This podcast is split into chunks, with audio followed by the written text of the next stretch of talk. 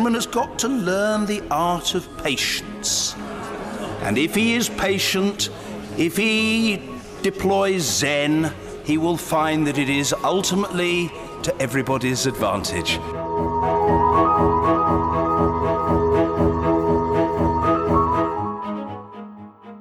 the, the EU and the UK cannot have different markets with different rules simultaneously applying their rules in Northern Ireland. One or the other has to be uh, getting their integrity breached. You know, it's it's an unavoidable choice. And the Johnson government in September, October last year said to Leo Varadkar and the EU, well, we're basically saying that Northern Ireland can operate under your rules, and if they want to sell stuff into our market, they'll have to sign all the forms and all that. So uh, the UK market's being breached. The DUP understood that, withdrew their support. Now, a year later, the same government, headed by the same Prime Minister, is saying, no, when I said that, what I meant was exactly the opposite to that uh, that actually we intend to breach the integrity of your market and sell goods into into part of your market, viz. Northern Ireland, under our rules. And if you don't like it, well, parliamentary sovereignty.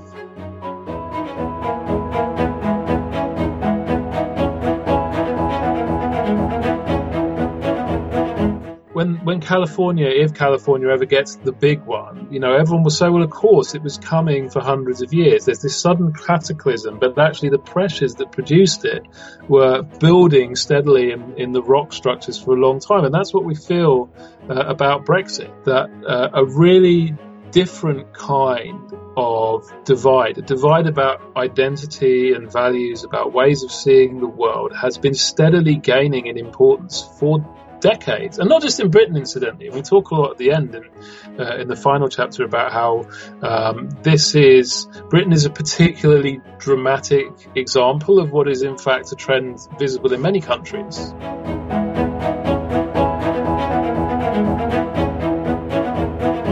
There was the British economy in, in, July 2016 didn't look that different to the British economy in, in uh, May 2015. The structure of British society didn't look that different. But what people thought the politics of the moment was about looked dramatically different.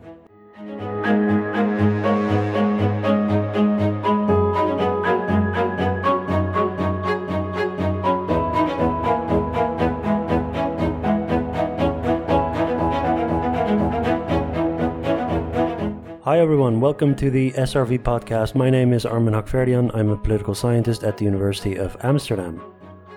You can follow me on Twitter at Hakhverdian. You can follow the podcast at Stuk Vlees. Please make sure to subscribe in whichever app you use and rate and review us please while you're at it. If you're a fan of the show, spread the word. I appreciate it. So Brexit is back in the news, and uh, you know what that means. We have to call in with our old pal Rob Ford Rob has been coming on the podcast, well, mostly in 2019, um, to talk us through the Brexit saga. Now that Brexit's back in the news, we need to get his take on what's going on. We also talk about his uh, latest book. So, if you remember, when he first came on the show in 2018, I think, one and a half years ago, he already plugged his book called Brexitland, which he co wrote together with Maria Sobolewska it's finally out in bookstores, I think next month. You can pre order it now. You should. It's a terrific read. If you like Rob and like his uh, contributions to this podcast, you'll love the book. It's very thorough, it's very comprehensive. It's about more than just Brexit, it's about the politics of immigration using the UK as a, as a, as as a test case. So follow him on Twitter at Rob Ford Mancs and um, enjoy. It's time to talk Brexit again.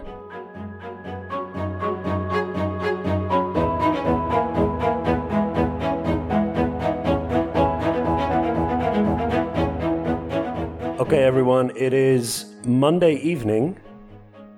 Brexit is making headlines, so that means we have to call in with our old pal Rob Ford to talk Brexit. I grabbed myself a Belgian beer for the occasion. Rob, how are you? I'm good, man. Brexit's becoming like Police Academy. Every time you think it's gone, they come back with another poorer quality sequel. Yeah, the, the, the new version is a shittier version of the old one. Yeah, yeah. Brexit Academy 6, Mission to Moscow. it's been a while. Uh, I think the last podcast we recorded was um, what was it? Six months ago. It was just we we just entered the homeschooling phase of quarantine, um, and you were working on Brexit land. That's right. That's right. Which is now imminently uh, arriving in bookstores.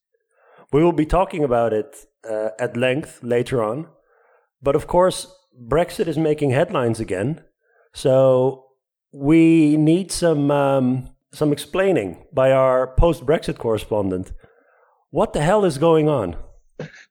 Well, you know, even uh, even a global pandemic cannot stall Boris Johnson's ability to get the agenda back to Brexit forever. And you know, uh, the virus gave it a good go. Maybe four months since we've last had to talk about recondite details of Northern Ireland trade policy, uh, and and here we return. Um, you'll be pleased to know, Armin, that one of your favourite characters from the supporting cast of uh, the first five Brexit movies, um, uh, Geoffrey Mufasa Cox, uh, was back in the news today uh, and on the radio, speaking in his wonderful James Earl Jones voice, saying, "I cannot support a bill that breaks international law." Uh, so that's kind of been the big news uh, all week. Um, the government has announced a bill. Um, you know that uh, treaty that we signed last year. Uh, we didn't read it properly, and now that we have, we've decided that what's in it we don't like. Uh, so under the, you know, uh, well-established principle of Bagsy's takes backs, uh, we are now rewriting it unilaterally to something that we like better. Um, uh, that's where we are. In case anyone was any in any doubt about whether or not this made represented some sort of breach of Britain's international law commitments. Uh, Brandon Lewis, one of the one of the cabinet, um, helped clarify that a couple of days ago in the Commons when he announced that yes, indeed, the proposed bill does break international law. But don't worry, it is only in a specific and limited way. Because as we all know, Armin, you don't get arrested if you only break the law in a specific and limited way. And in particular, if you didn't read the law properly before breaking it. I'm, I'm going to use that defense. If if and when I end up in court, well, Your Honor, it's, it's, a very specific way that I broke the law, a very limited and specific way. So, Rob, this deal was supposed to be oven ready, but um, apparently Bond, uh, Boris Johnson chucked it in the microwave. He didn't yeah, read the small print. Read, didn't, didn't, read the instructions on the box properly, uh, and then decided he wanted to toss it in the bin and order takeout instead, um, even though that's not what his uh, dining partners wanted to eat.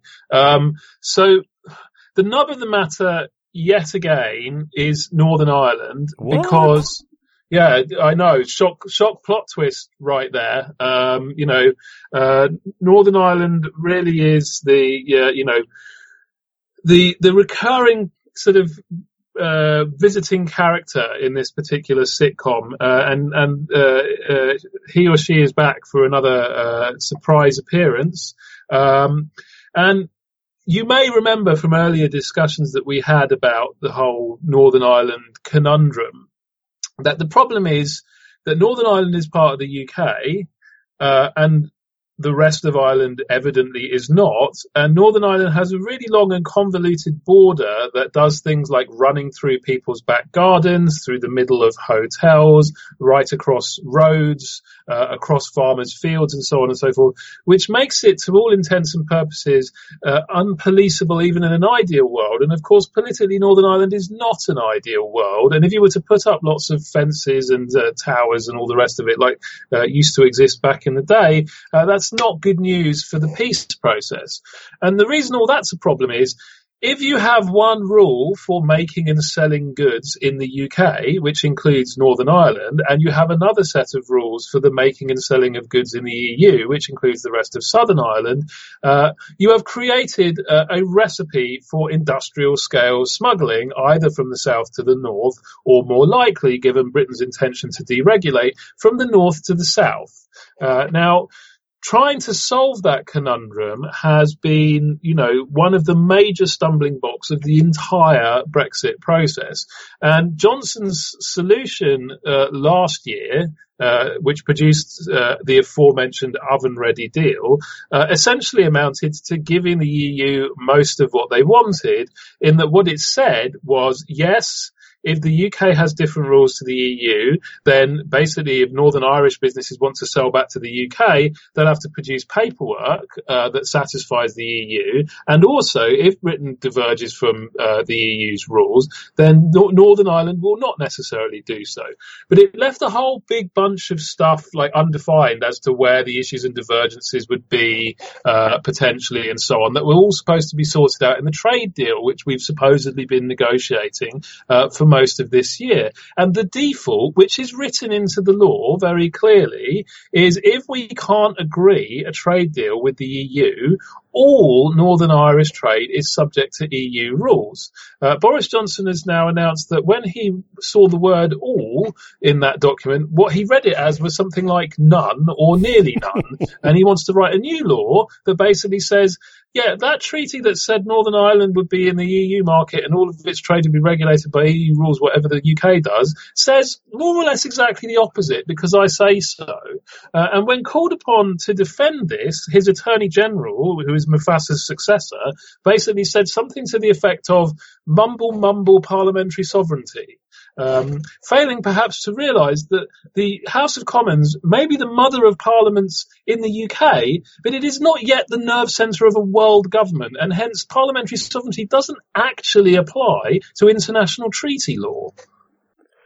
So, part of me is delighted that we're having this conversation because it brings me back to to 2019 and 18 back when we were talking brexit where it was a in many ways a, a, a better world pre COVID. But this fucking Groundhog Day, man, around Northern Ireland is unbelievable. Well, it's not surprising that it's a Groundhog Day, though, because it's really not a very easy problem to solve. Um, and so it's understandable that it proves to be a difficult stumbling block. But if you're the UK government, you have to accept that if you've sort of signed a compromise that you've painstakingly worked out for three years, you can't then turn around and say, oh, no, no, I didn't mean it, uh, three months later, having campaigned for, in a general election, having got every single MP in your parliament to sign up to that deal, not that deal plus a big pot of Tipp-Ex for the bits that we don't like. Um, not to mention, how exactly do you go about uh, you know, doing treaty negotiations with other countries uh, if you have an established reputation for not actually following the terms of the aforementioned agreed trade treaty. You know, if I get a mortgage from my bank and then announce two years into the mortgage that I've decided I'm not paying it anymore, but don't worry, I'm only not paying it in a limited and specific way, it doesn't do any wonders for my credit rating. and uh, Nancy Pelosi, the Speaker of the House of Representatives, has come out and said that actually, you know, good luck with your self determination, but we're not entering trade deals with a country that reneges on its promises.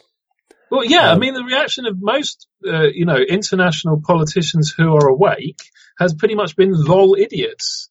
Um, you know, it's it's bizarre. Uh, it really is. Um, it, I mean, the the the, the, the aside from this being another example of Johnson being more like uh, Trump or radical right populists than perhaps any of us appreciated. The only more optimistic uh, interpretation of this than that is that this could be another example of the kind of um, you know, spectacular bluster approach, the sort of greatest showman approach to politics that Johnson and Cummings seem to be very fond of. So, you know, last autumn, when things were looking tough for them, they suddenly, out, not even autumn, summer, they suddenly out of the blue decided to shut Parliament down for six weeks and all hell broke loose. Um, but, you know, um, Cummings has all this weird pseudo military stuff he has about this that it like disrupts what he calls the OODA loops of people, which is something like observe, um, uh, something decide. Uh, and, you know, because people are so befuddled by what you've done, it shakes them out of their normal decision making processes and you hope that they become as irrational and panic stricken as you are. Um, so it could be that this is a colossal uh, game of bluff uh, that essentially right. Johnson realizes that he's got a, a, a 2-7 non-suited, to use a poker analogy, and to confuse his opponents, he's got up and started singing Rule Britannia and turned the table over uh, in the hope that in their confusion they'll bet irrationally. Um, so it could be that that is the name of the game, and actually all of this will end up just disguising a climb down that the government eventually does. But so far, none of the signs are particularly encouraging on that front. Uh, to wit, uh, the government's most senior lawyer, the aforementioned Mufasa, apparently got elbowed out because he had reservations about exactly this issue. Uh, the, the Whitehall most senior civil service lawyer has also resigned over exactly this issue. And currently all of the living former prime ministers of this country have gone on the record to say that they are not comfortable with what the government is doing on this issue. So it's not looking great for the government in terms of, you know, uh, this is all a bit of a storm in the key- teacup if that's their argument. Back when Boris Johnson's um, uh, he he he got that new withdrawal agreement right back um, when was it in October September, um, I think. Yeah. Right. Um, back then, I remember, correct me if I'm wrong, but there was a discussion about whether or not Johnson had thrown Northern Ireland under the bus. And I mean, in particular, thrown uh, the DUP under the bus. The DUP, which pretty much held the May government um, hostage over this issue because they May needed the DUP to get a majority in parliament. Uh, and back then, I remember that there was this discussion about whether or not this new withdrawal agreement was harmful for the, let's say, integrity of the United Kingdom. So the DUP was against it for this reason, right? It wasn't much of a discussion. It really obviously was throwing the DUP under the bus. It really obviously was compromising the integrity of the United Kingdom. That was the whole purpose of the concession. It was the whole reason the EU accepted it. Because it's really, one one side has to accept a breach in the integrity of their markets and rules. Either the EU does or the UK does. You can't have a you know it's Schrodinger's cat. The, the, the, EU and the UK cannot have different markets with different rules simultaneously applying their rules in Northern Ireland. One or the other has to be uh, getting their integrity breached. You know, it's it's an unavoidable choice. And the Johnson government in September, October last year said to Leo Varadkar and the EU, well, we're basically saying that Northern Ireland can operate under your rules, and if they want to sell stuff into our market, they'll have to sign all the forms and all that. So uh, the UK market's being breached. The DUP understood that, withdrew their support. Now, a year later, the same government, headed by the same prime minister, is saying, no, when I said that, what I meant was exactly the opposite to that uh, that actually we intend to breach the integrity of your market and sell goods into into part of your market, viz. Northern Ireland, under our rules. And if you don't like it, well, parliamentary sovereignty. so, what is going to uh, happen in terms of uh, Conservative Party uh, politics, internal politics? So, there are some uh, there are some people re- revolting, but um, is it enough to cause problems for Johnson? Well, as usual with Conservative Party internal politics over the past few years, it's a little hard to predict. I mean, on the face of it, a majority of 80 is big, and it's actually even bigger than that because, unsurprisingly, the DUP, who really liked, uh, disliked the previous deal compromising the UK internal market's integrity, really, really like the, this rewriting that takes things in the opposite direction. So they're on board. There's less of them now, though, yeah. but that's still about another five votes, I think, memory serves. Um, so then you're up to a majority of about 90, which means you need four, you need 45 MPs to actively vote against it for it to be in any kind of trouble. Um, and that's a, a much bigger number because you know uh, it's a bigger number even than than it sounds relative to the rebellions we've seen in the past because this is a much more Brexity parliament. A lot of the most pro-Remain or soft Brexit-oriented Conservative MPs either left or were forced out before the last general election, and most of their replacements are, you know, basically tattoo the Union Jack on their face, hard Brexit level, hard Brexit. So, you know, the the government can probably rely on a lot, a larger core of like really strong Brexit support than they had before. But number one, there is also the House of Lords. It's a thing, um, and they can uh, at least delay the progress of this legislation. And they've started talking about. There's a thing called the Salisbury Convention. Um, now, for the benefit of your Dutch listeners, this is another example of my country doesn't have a constitution. What it has is a series of things that people wrote down uh, in like you know notepads in the 19th century that then became the constitution. And the Salisbury Convention is, essentially says if governments bung something in a manifesto, the House of Lords isn't allowed to delay it because there's a democratic mandate for it. And the House of Lords want to upend that and do a kind of Salisbury Manifesto headstand where they say the government is attempting to rip up the withdrawal agreement, passing the withdrawal agreement is a manifesto commitment. Ergo, in order to preserve that manifesto commitment, we have to stop them from ripping up the withdrawal agreement. Um, whether that comes to anything, I don't know. It's probably too clever by half, but there's a lot of uh, discontent in the upper house, including from pretty Brexity conservatives. And there have been, they've been debating it tonight, there have been quite a few Tory MPs already expressing unhappiness with this. And these things can take a life of their own. I mean, one thing my colleague Philip Cowley will tell you from the last 20 years is that each parliament has tended to get more rebellious than the last. Uh, this government has not been notable for its competence or its responsiveness to backbench MPs' concerns over the past year. They've burnt up an enormous amount of goodwill already on issues unrelated to Brexit, and they may find that the, uh, their incompetence and intransigence on other issues can come back and bite them in the arse on this issue because it means that the goodwill you need to bind otherwise unhappy or conflicted MPs to your cause just isn't there in the quantities that they're expecting. Right. Doesn't it feel good to talk about Brexit again?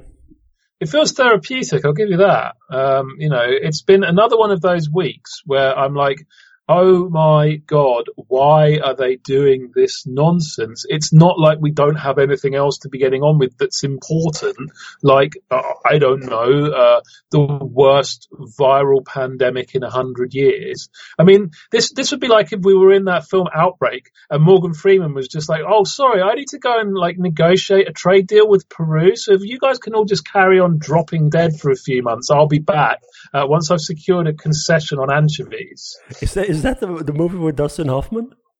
Yeah, was it Dustin Hoffman, not Morgan Freeman, or maybe both of them? But yeah, the, the one with Dustin Hoffman. So imagine Dustin Hoffman just takes off his big sort of like airtight suit and he's like, guys, guys, I know it's a very serious situation, but you know, this trade deal's not going to wait. Underrated movie. Yeah, indeed, indeed. Probably not a reassuring one to watch uh, in these times, uh, but you know, check it out if you uh, have the stomach for it. So You've written a book on Brexit, Rob. It's not just on Brexit. it's, it's on like everything. It's it's it is it is quite comprehensive. So I went back and listened to the very first time you were on the pod. Uh, what was it? One and a half years ago, I think. You were my first. you were my first international guest. And in the introduction, you said that you were working on this book called Brexitland, that it would be due shortly, and it took uh, at least a year longer. What why did it take so long? Well, Armin, you're an academic. You know, if an academic says something is due shortly, frankly, 18 months is a pretty good delivery on that promise. You know, that's that is shortly well, in our world. Well, here's the thing: is it because your country kept having new elections and there was no sort of logical endpoint to the book, so you just you know might as well keep on writing, or was the writing process itself difficult? Well, a little bit of both. I mean, Maria and I first started discussing the ideas that eventually became the book after the EU referendum, uh, and then the 2017 election kind of upended a lot of our assumptions, so we had to rethink things. That was very early on in the writing of the book, and then with the 2019 election, we had more or less finished the manuscript at that point. We just had to write a conclusion, and we decided that the 2019 result was so interesting in ways that were so relevant for our book that we needed to add an extra chapter or like rewrite a couple of our last chapters to incorporate what, what that election showed. So that kind of held things up another three or four months. We had to wait till we had data on, on what was going on in that election and so on and run all the numbers and, and then write it up. So yeah, politics did kind of get in the way a couple of times, but I think in the end that was to the benefit of the pro- the, the end product because in many respects, the 2019 election feels like the culmination of yeah. the long run processes that we spend much of the book talking about. I mean, it's obviously not the end point. The, the, you know, it, it, you're, you're a very stupid professor if you write a book called like The End of History or something like that. That's not going to end well for you. Your history will keep rolling on, uh, and, you know, things will continue to evolve and develop, but it, it felt like a particularly apposite full stop on a on a on a transformation that's been going on for a long time. Yeah. So I should say you wrote the book together with Maria Sobolewska, another friend of the pod. Go back and listen to the pod I recorded with Maria. Um, the last time I spent this much time on a joint project of yours was when I traveled to Krakow for your wedding. yes, for, for, for listeners uh, uh, to the pod who are not uh, aware, given our different surnames, Maria and I are indeed um, married, and um, despite having spent two years writing a book together, still married. Uh, so that in itself, I consider to be something of an achievement. It is. So I, would say that most of the book is the run-up to what turned out to be Brexit. It could have manifested itself maybe in another sort of landmark election, but a lot of the book is about the long-term factors that in the end led to this, let's say, uh, in electoral terms, cataclysmic event. So you, you you guys call Brexit it's not a change per se, but it's an awakening, which I really yeah. liked. Yeah, yeah, I, and I, I, I, I'm glad you like that. We, we, we quite like that. And there, there was another point where we, where we said Brexit is not year zero, um, because uh, what and this is, I think, one of the areas where, incidentally, people in our trade can really add value to the discussion because, understandably, for all sorts of structural reasons, the debate in parties themselves, the debate in the media tends to have a short view, you know, an election cycle, maybe two election cycles at most if you're lucky. Most of the time, not even that. And it was clear to me uh, from working on UKIP and immigration politics for many years, all the way back to my PhD, and it was clear to Maria, who's worked on ethnic minority politics for many, many years as well, going back to her PhD, that there were some really big long-term changes uh, in the, the, the demographic structure of British society and the kinds of arguments that that tended to move to the center of politics that and that that really long term sort of tectonic change was being missed in all the discussion that people weren't realizing how the fractures that lined up in June 2016 had actually been building. You know it's kind of like when when California, if California ever gets the big one, you know, everyone was so well. Of course, it was coming for hundreds of years. There's this sudden cataclysm, but actually the pressures that produced it were building steadily in, in the rock structures for a long time, and that's what we feel uh, about Brexit. Um, that uh, a really different kind of divide, a divide about identity and values, about ways of seeing the world, has been steadily gaining in importance for decades, and not just in Britain, incidentally. We talk a lot at the end in, uh, in the final chapter about how um, this is Britain is a particularly dramatic example of what is in fact a trend visible in many countries. Oh, for sure. Yeah, I think many people recognize a lot of the things you you write about. Um, so at a point early on in the book, you you write that so these pressures are building, right? And they're very slow changes over the course of you know decades. I mean, half a century, maybe longer even. Um, and then it's not just identifying those pressures, but I think probably even more difficult is when is it too much? When is it going to let go? So why did these pre- so you're talking about a few of these long-term changes one is demographic change uh, educational expansion is another one um, there's a couple of waves of politicization of immigration mm-hmm. um, in the uh, 60s and then later on uh, in the more recent time period, like 20 years ago. But why did it erupt now?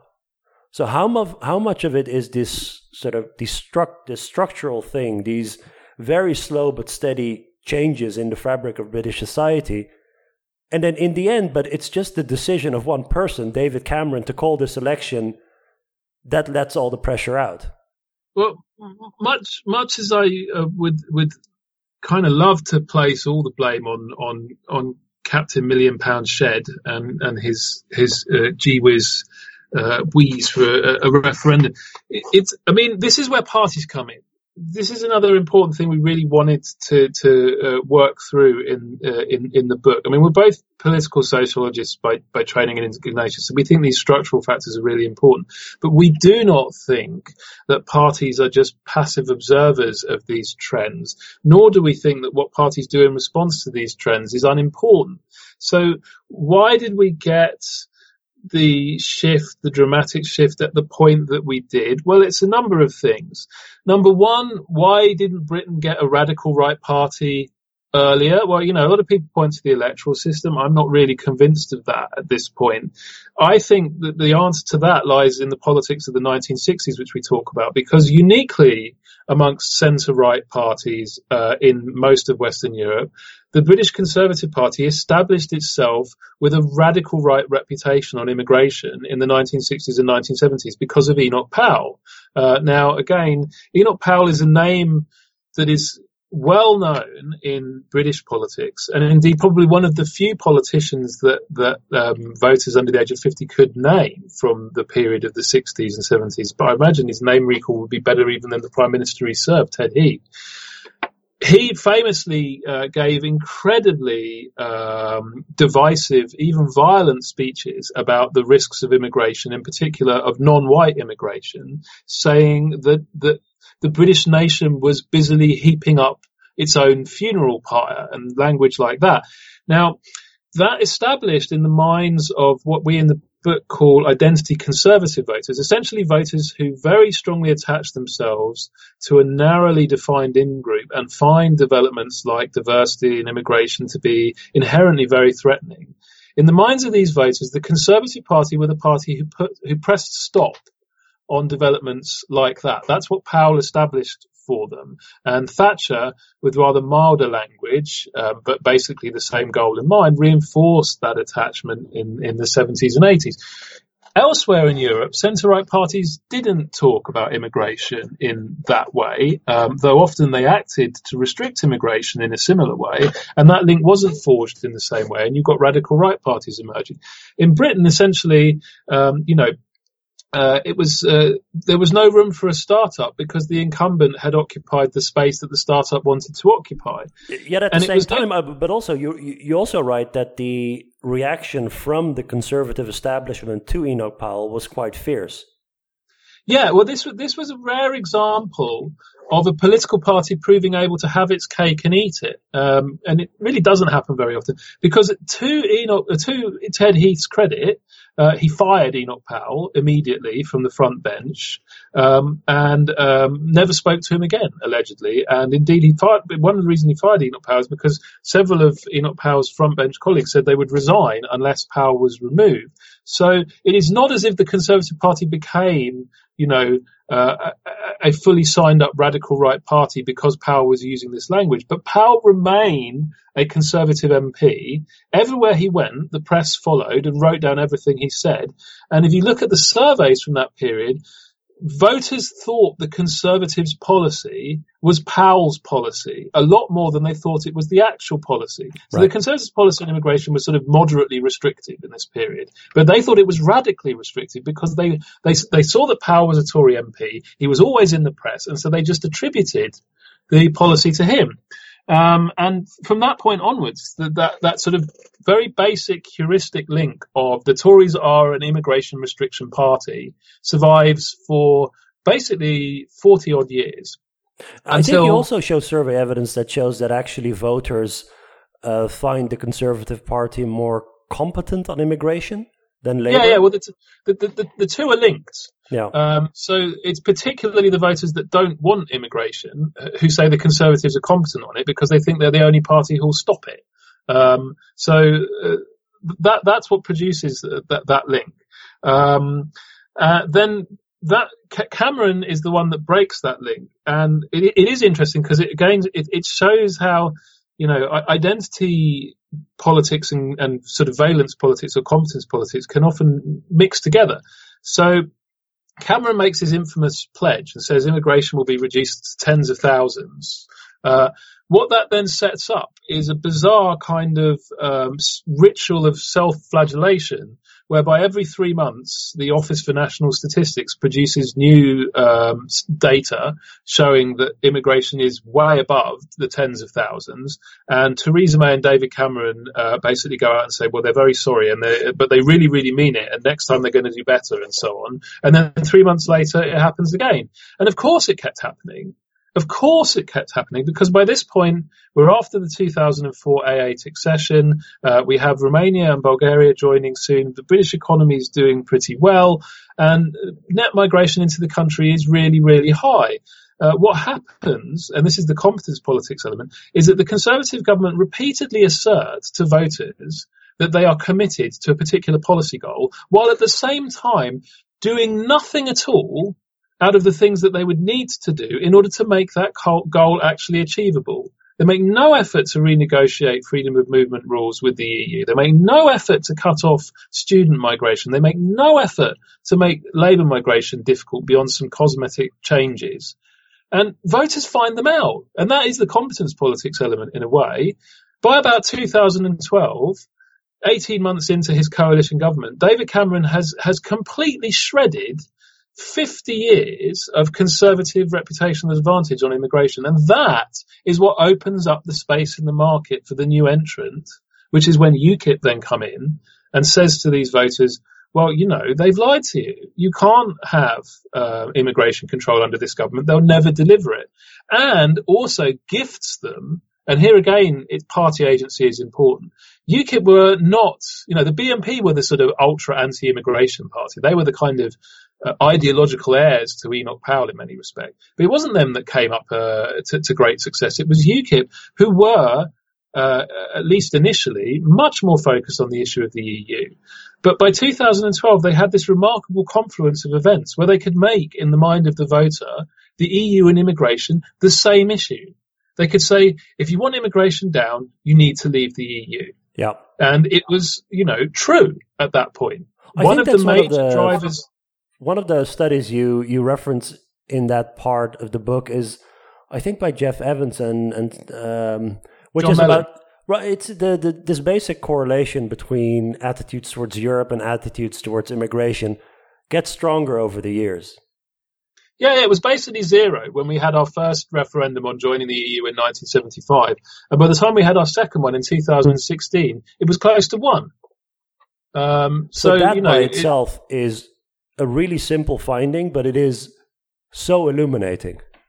Yeah. That in the 1970s, people's views on immigration and Europe were unrelated. That you know, and and now it's pretty much one and the same.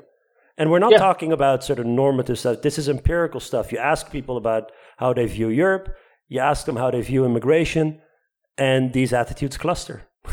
yeah, exactly. The one predicts the other very, very strongly. And that's partly a, a consequence of events in terms of the patterns of immigration changing, but it's also critically also a product of political decisions and political agency. Now, Cameron did not have to make that tens of thousands pledge. Cameron and May did not have to stick stubbornly to the principle that they were going to meet it, despite all the mounting evidence that they couldn't. Um, they didn't need to to act on the issue in the way that they did.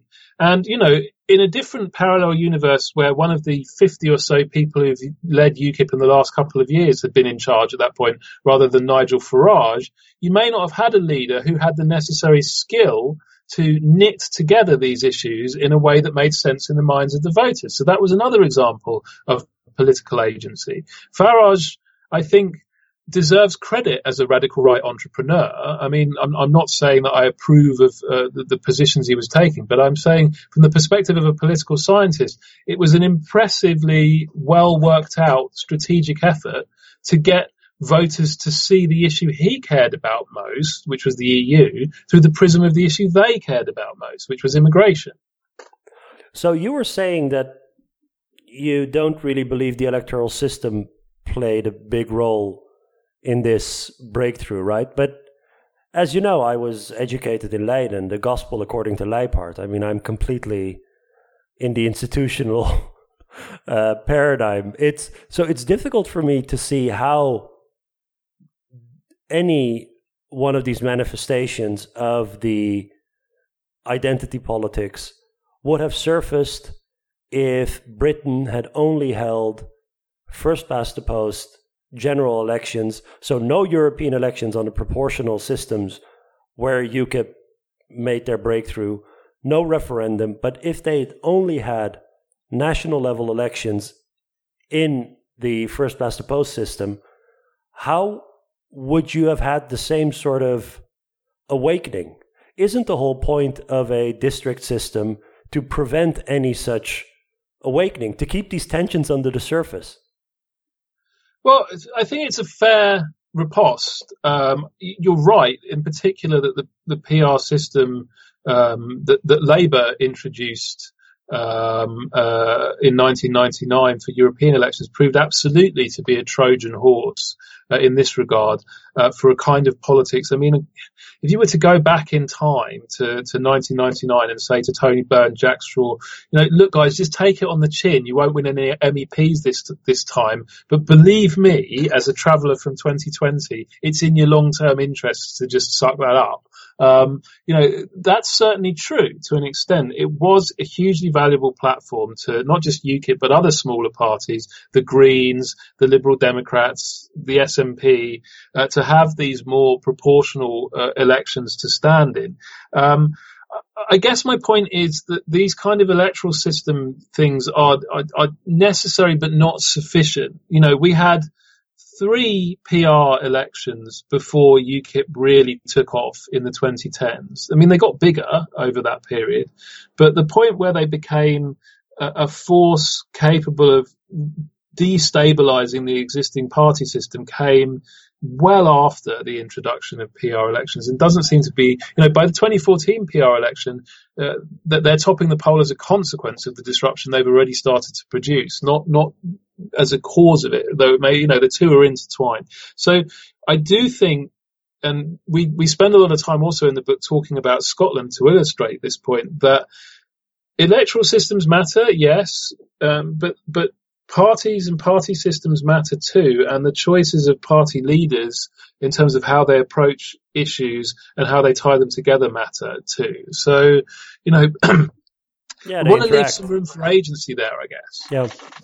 Uh, so the book is 400 pages, and um, I think a lot of the book would also be interesting to people who are not necessarily interested in, in European integration or Brexit, but just um, political sociology, structure of society, demographic change, uh, politics of immigration.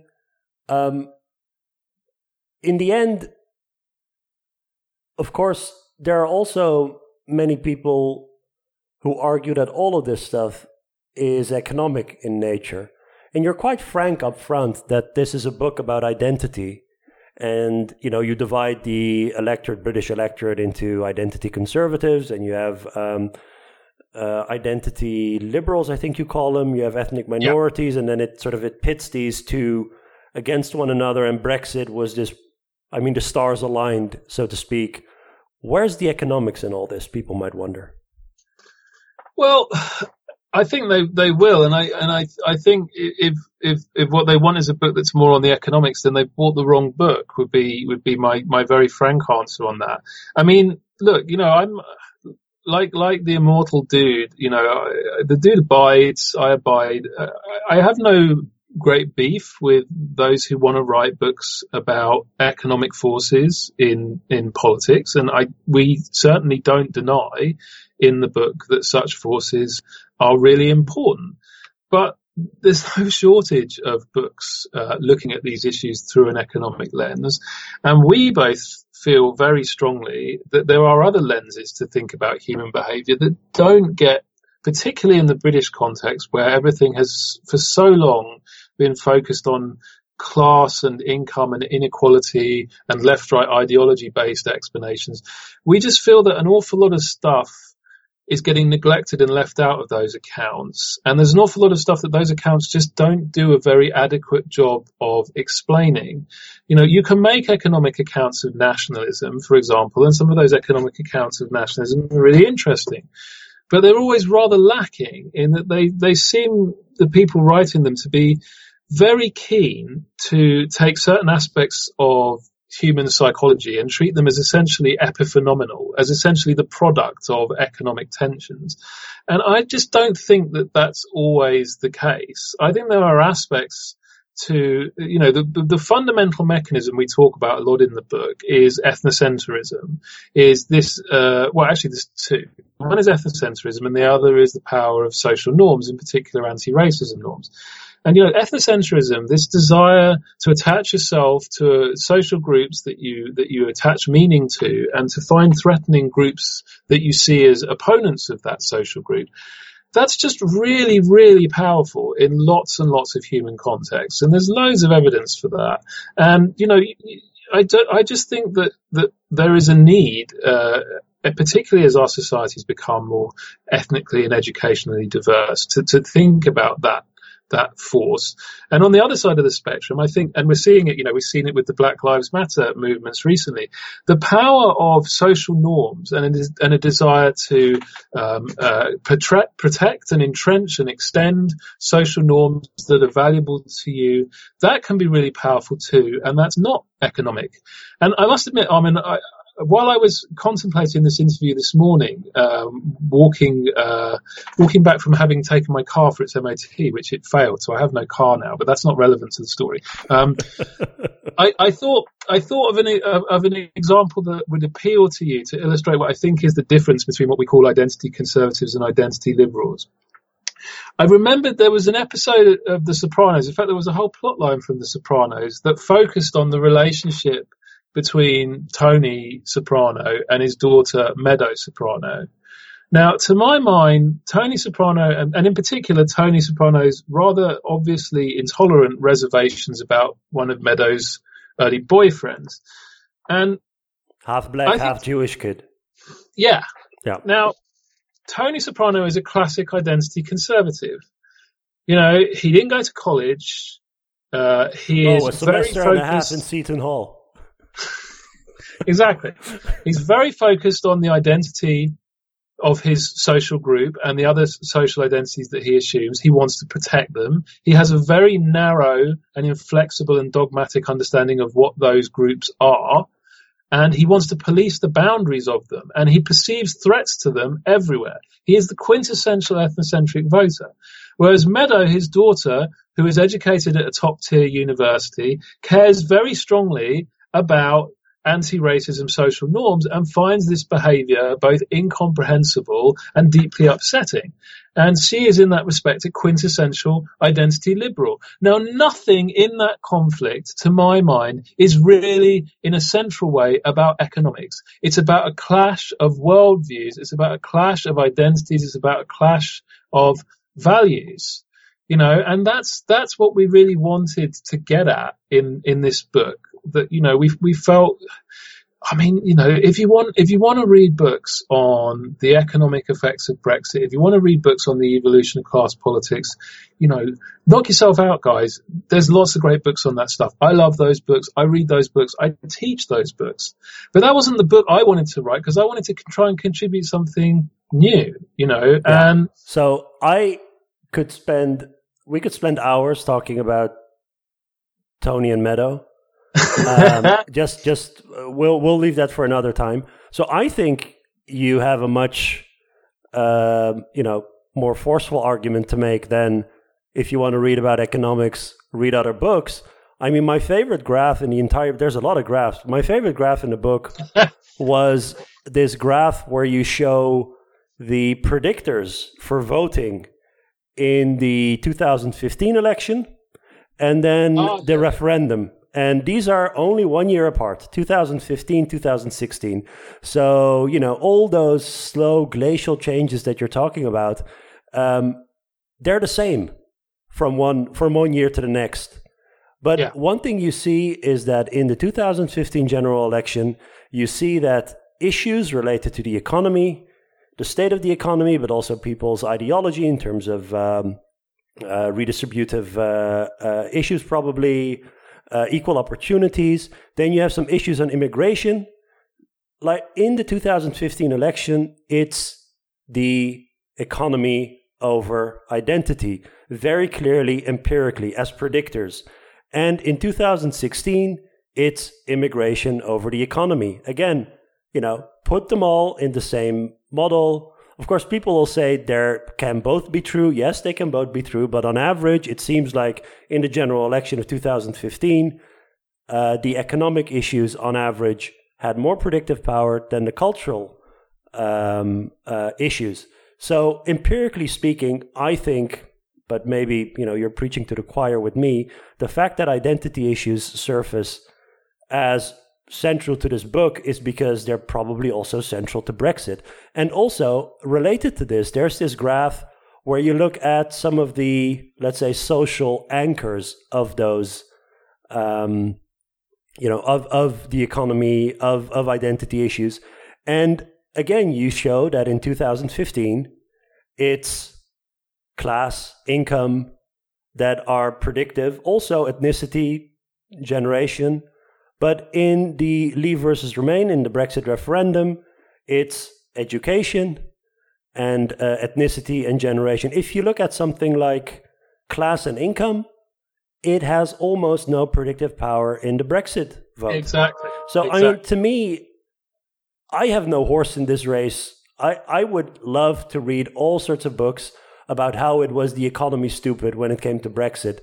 Show me the evidence, pit them against one another, these explanations, and show me that that's the case. And to be honest, uh, to me, the evidence is that on average, it's the identity stuff. Now, of course, for some people, it might be the economy in certain regions under certain certain circumstances. Um, but I, I just really like those two uh, those two graphs because they show that two elections in the same country with pretty much the same electorate, people didn't really change their their attitudes in the sense that you know it wasn't that people switched from being pro immigration to anti immigration. It wasn't what they were thinking. It was what they were thinking about. The context Yes. of the election was different. So different identities were activated. Um, and that's what's, I mean, the silver lining for electoral researchers, this, this madness that you've been through in the past five years in terms of elections. You had the 2014 European elections. Then you had the 2015 general election. You had the referendum in 2016. You had a general election in 2017 and a general election in 2019 all sorts of elections, the same electorate. like all of these glacial changes are pretty much constant over the period over this period. Uh, small, small incremental changes, but what is different about them is the context and Yeah. what people are talking about, what is on the political agenda, and you see different results because different identities get activated. Yeah, I certainly think so. I, I- guess I just, you know, wanted to make clear I wasn't like against the economics guys, and I, and I think sometimes these fights can be a little bit false. It's like, you know, we can all have a piece of the puzzle to to, to work on. But you're right. This is this is what we mean by the awakening um, line that that we that you mentioned earlier on.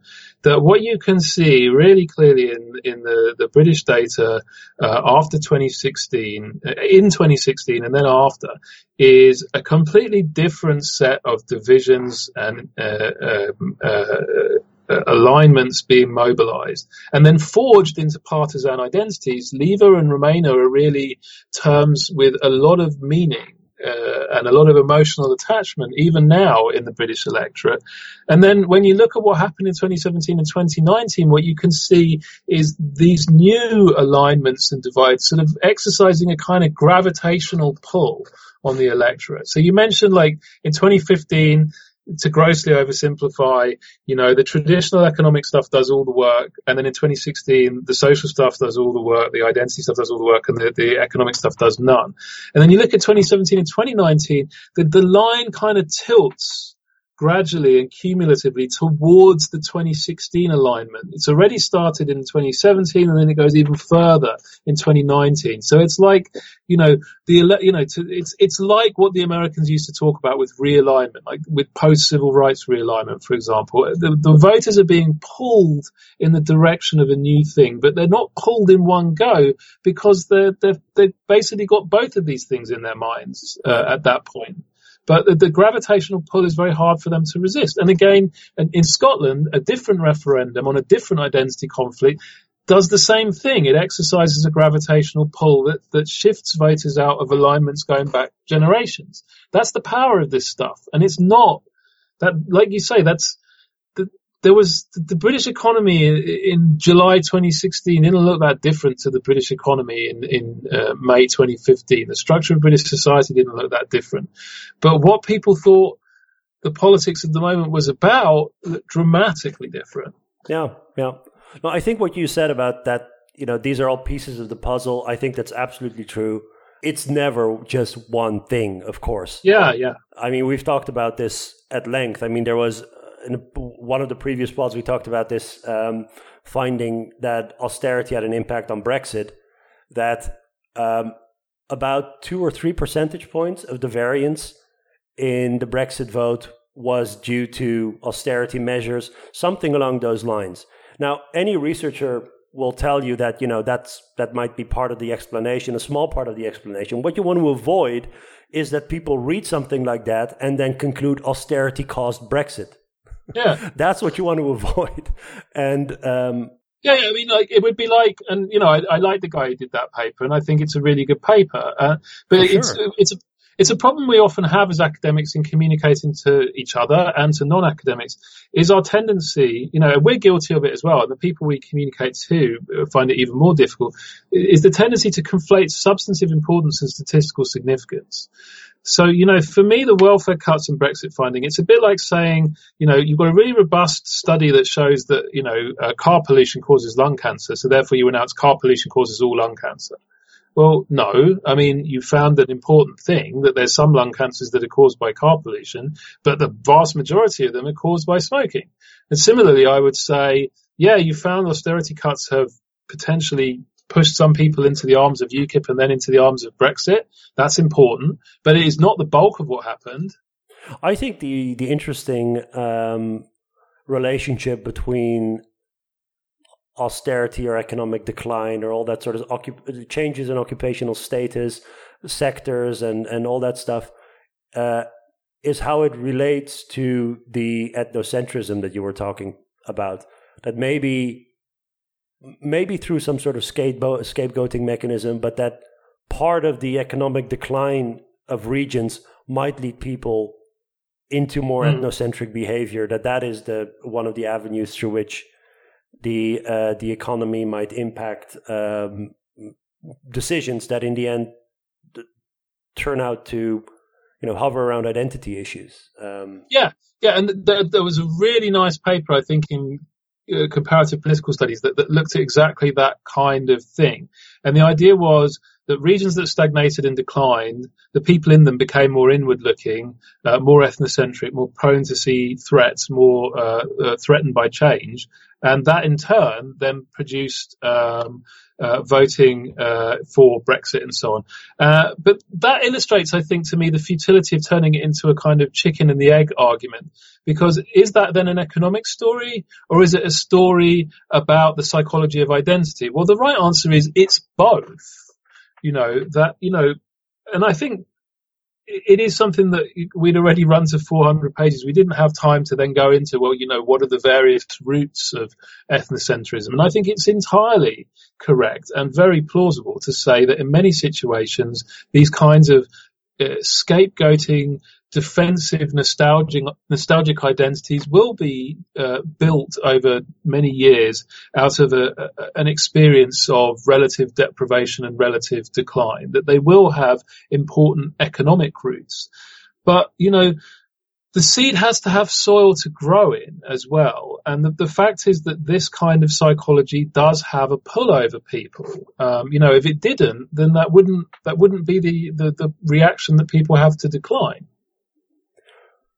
So you also deal with the legacy of Brexit in terms of social identities and the way that it it's, it's sort of you know the the the traditional partisan loyalties have crumbled and new Brexit loyalties have emerged, remain and leave, and um, these two sort of tribes uh, view each other with suspicion and hostility, and they stereotype each other, etc., etc., etc. So it would take something monumental, cataclysmic to maybe upend these Brexit loyalties. Maybe something like a pandemic. What do you think? so is the book outdated? You should have waited uh, uh, another year and, and written about the fading of Brexit loyalties due to a uh, a world-ending pandemic. Well, have you ever read Watchmen, Armin, the original comic book rather than the, the ghastly movie uh, or the rather good TV series? Yeah, the TV um, series is good. Yeah. yeah, the TV series is good, but it's it's it's set in a slightly different yeah. context. But the original the original comic book, the the premise of it um, which I thought about a lot when writing this this book because I thought it was a really interesting exploration of ethnocentrism. And this this is something social psychologists have repeatedly found, incidentally. So the premise of Watchmen, for those who aren't familiar with it, is uh, spoiler alert. If you want to read, stop listening right now. Uh, one of the characters essentially tries to prevent nuclear war in the Cold War era between America and Russia by generating an external threat that threatens them both, thus giving them a common identity of earthlings, essentially, of, of humankind threatened by an alien race. Uh, that if you if you want to end the conflict that comes from two groups of strong social identities being uh, at odds with each other, you need to create a common threat that threatens them both because they will forge a common identity in response to that common threat. And you know, th- th- like I said, I mean, maybe I shouldn't cite social psychology research at the moment, particularly old stuff, in case it doesn't replicate. But that was the kind of be careful, Rob. Yeah, exactly. But that, that kind of thing has been observed many times uh, in many kinds of settings. Uh, for example, Miles Hewstone at Oxford's done lots of really interesting work uh, getting uh, people from different ethnic groups to form a common school or locality-based identity to overcome uh, the, the, divided identities in their towns and so on. So there is some evidence that, that that it works. And it's quite possible that something like a global viral pandemic which is a kind of external universal threat, um, could, in theory, um, uh, overcome those kind of identities. However, the risk is also that the threat ends up being interpreted in terms of those yes. identities, and I fear we've already started to see um, some of that. Well, uh, like so with the face British... masks, face masks as yes. a sort of device in the culture wars. Yes, pr- precisely, and in the inter interpretation of statistics and the arguments about whether or mm. not to go back to work, uh, there has been a tendency, and it's visible also in the US, of course. Um, I think you know our government has been obviously far less irresponsible in its rhetoric than than the Trump government, but there is a growing tendency to to take you know to take a maximalist interventionist view of the COVID risk, kind of gradually uh, sort of um, being fused with that sort of uh, more socially liberal Remain type identity, whereas taking a more laid back minimalist approach to the risk and an almost fatalist approach to the whole pandemic, uh, becoming uh, aligned with the Leave identity. This is another example of the tremendous power of identity attachments, because from the perspective of personal health and safety, that's completely the wrong way round. You know, Remainers are younger, healthier, uh, better educated, uh, um, you know, um, uh, wealthier on the whole. Um, they are the people who are, you know, less at risk of dying from COVID, whereas the the older, iller, whiter, well, ethnicity goes the other way to be fair, but the, the older, iller, uh, low education leave voters, these are people who are at higher risk from COVID, and yet they are the ones who are adopting a kind of, oh, this is all rather inflated type thing, because they are, and this is again political agency, they are responding to these currents uh, within the political discourse, not so much directly from our government, give it its limited due, but more from the, the sort of right wing cultural networks that are kind of aligned with that, in particular the right wing press, also part of the TV and so on. Um, so, you know, I really thought the, uh, uh, when we last spoke in spring 2020 that this would be a great disruptor and, you know, it would shake the Etch A Sketch up and these identities would kind of go into abeyance at least for a few years. But five, six months later, I'm, I'm much less optimistic on that front, I must admit. I feel the same. I feel like uh, these sort of archetypes uh, that, that you mentioned, I think time and time again, new issues are going to come to the fore that are interpreted through these lenses. We have the exact same in the Netherlands with uh, how many issues just come up. This stupid uh, uh, Zwarte Piet, Black Pete uh, character, the racist caricature that is used in the children's party. I'm sure you've heard of it. Um, and yeah, yeah, and yeah. In in no time, the same people will shift to defending private fireworks as part of their liberty and sort of um, any cha- any any sort of um, attempt that is made to regulate fireworks for public safety and environmental reasons are seen as sort of aloof, elitist, liberal crap. Uh, any so so so you move basically from a children's um, uh, a racist children's caricature to um, to to fireworks probably could shift to, to, to discussion on climate change and now with vaccines and all that sort of stuff, the underlying archetypes are very, very similar. Um, by the way, do you know that is, you were talking about uh, you need a, uh, a, a, catastrophic event to overcome these identities? There's this uh, one of these classic studies done on in-group out-groups with these Boy Scouts in Oklahoma, where uh, people um, take them on a camp, one of these uh, uh, Boy Scout camps. The Robbers Cave experiment. Yeah, exactly. Yeah, yeah, yeah. They they divide them into into two groups. They call one the rattlesnakes and the other ones the uh, the eagles, I think. And uh, these kids start to hate each other. They play games. Uh, first, they play some sporting games and all that sort of stuff. And within no time, they start calling each other names and they have sort of derogatory terms for each other and it turns violent. And then on the way back, what the researchers do is they have the school bus breakdown. And then they have to sort of overcome their identity and, and uh, you know, and, and then it's sort of, they, they become one. They have to sort of cooperate in order to overcome this, this, this disaster. Um, it's one of those things, I don't know whether it would replicate, but it makes for a very good story. Yeah, it wouldn't work now because of social media. They they just carry on hating each other.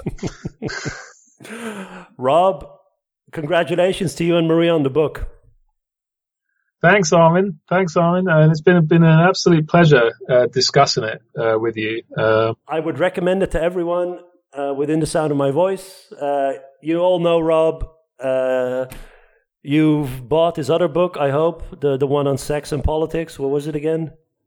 Sex, sex, lies, and politics. Yeah, sex, lies, and this one is more. This is serious stuff. This is Cambridge University Press. Yeah, yeah, yeah, exactly.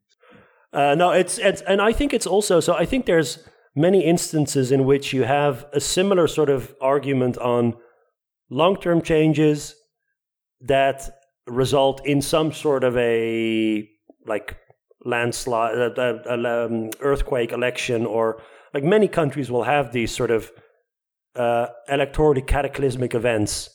And then the question is, how far back do you have to go? Demographic changes, political changes, all that sort of stuff. It's a nice lens, also, I think, for students of politics to to sort of re. I think this is a case study of the UK, but I think it's it's very useful for people interested in other things than the UK. It's a nice framework to adopt for for studying other things as well. I feel. Yeah, I, I, I hope so, and I, I hope that that's uh, something that people get out of it. Aside from the, you know, interest in uh, sort of looking at our country as the kind of exotic creature that it's become uh, for, for, for most most of those living in most Western European countries at the moment. Uh, I, I think that we've tried to sort of lay out how you can make uh, these these different moving parts fit together. You know, long-term demographic change, party changes, the emergence of issues on the agenda, political competition, choices at critical moments.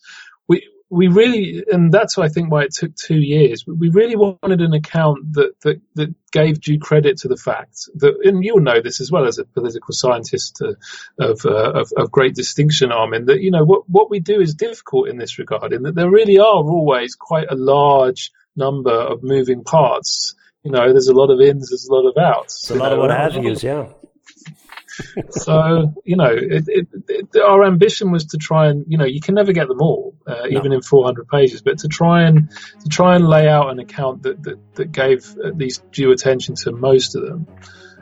Yeah, and then whenever I feel bad about the Netherlands, I have this book to fall back on. exactly. It's like exactly. a palate cleanser. exactly, and I, think that that should be how our European marketing should go. If you feel bad about politics in country X, why not read this? You'll feel better. All right, thanks for listening, everyone. Rob, thank you. I'll see you next time.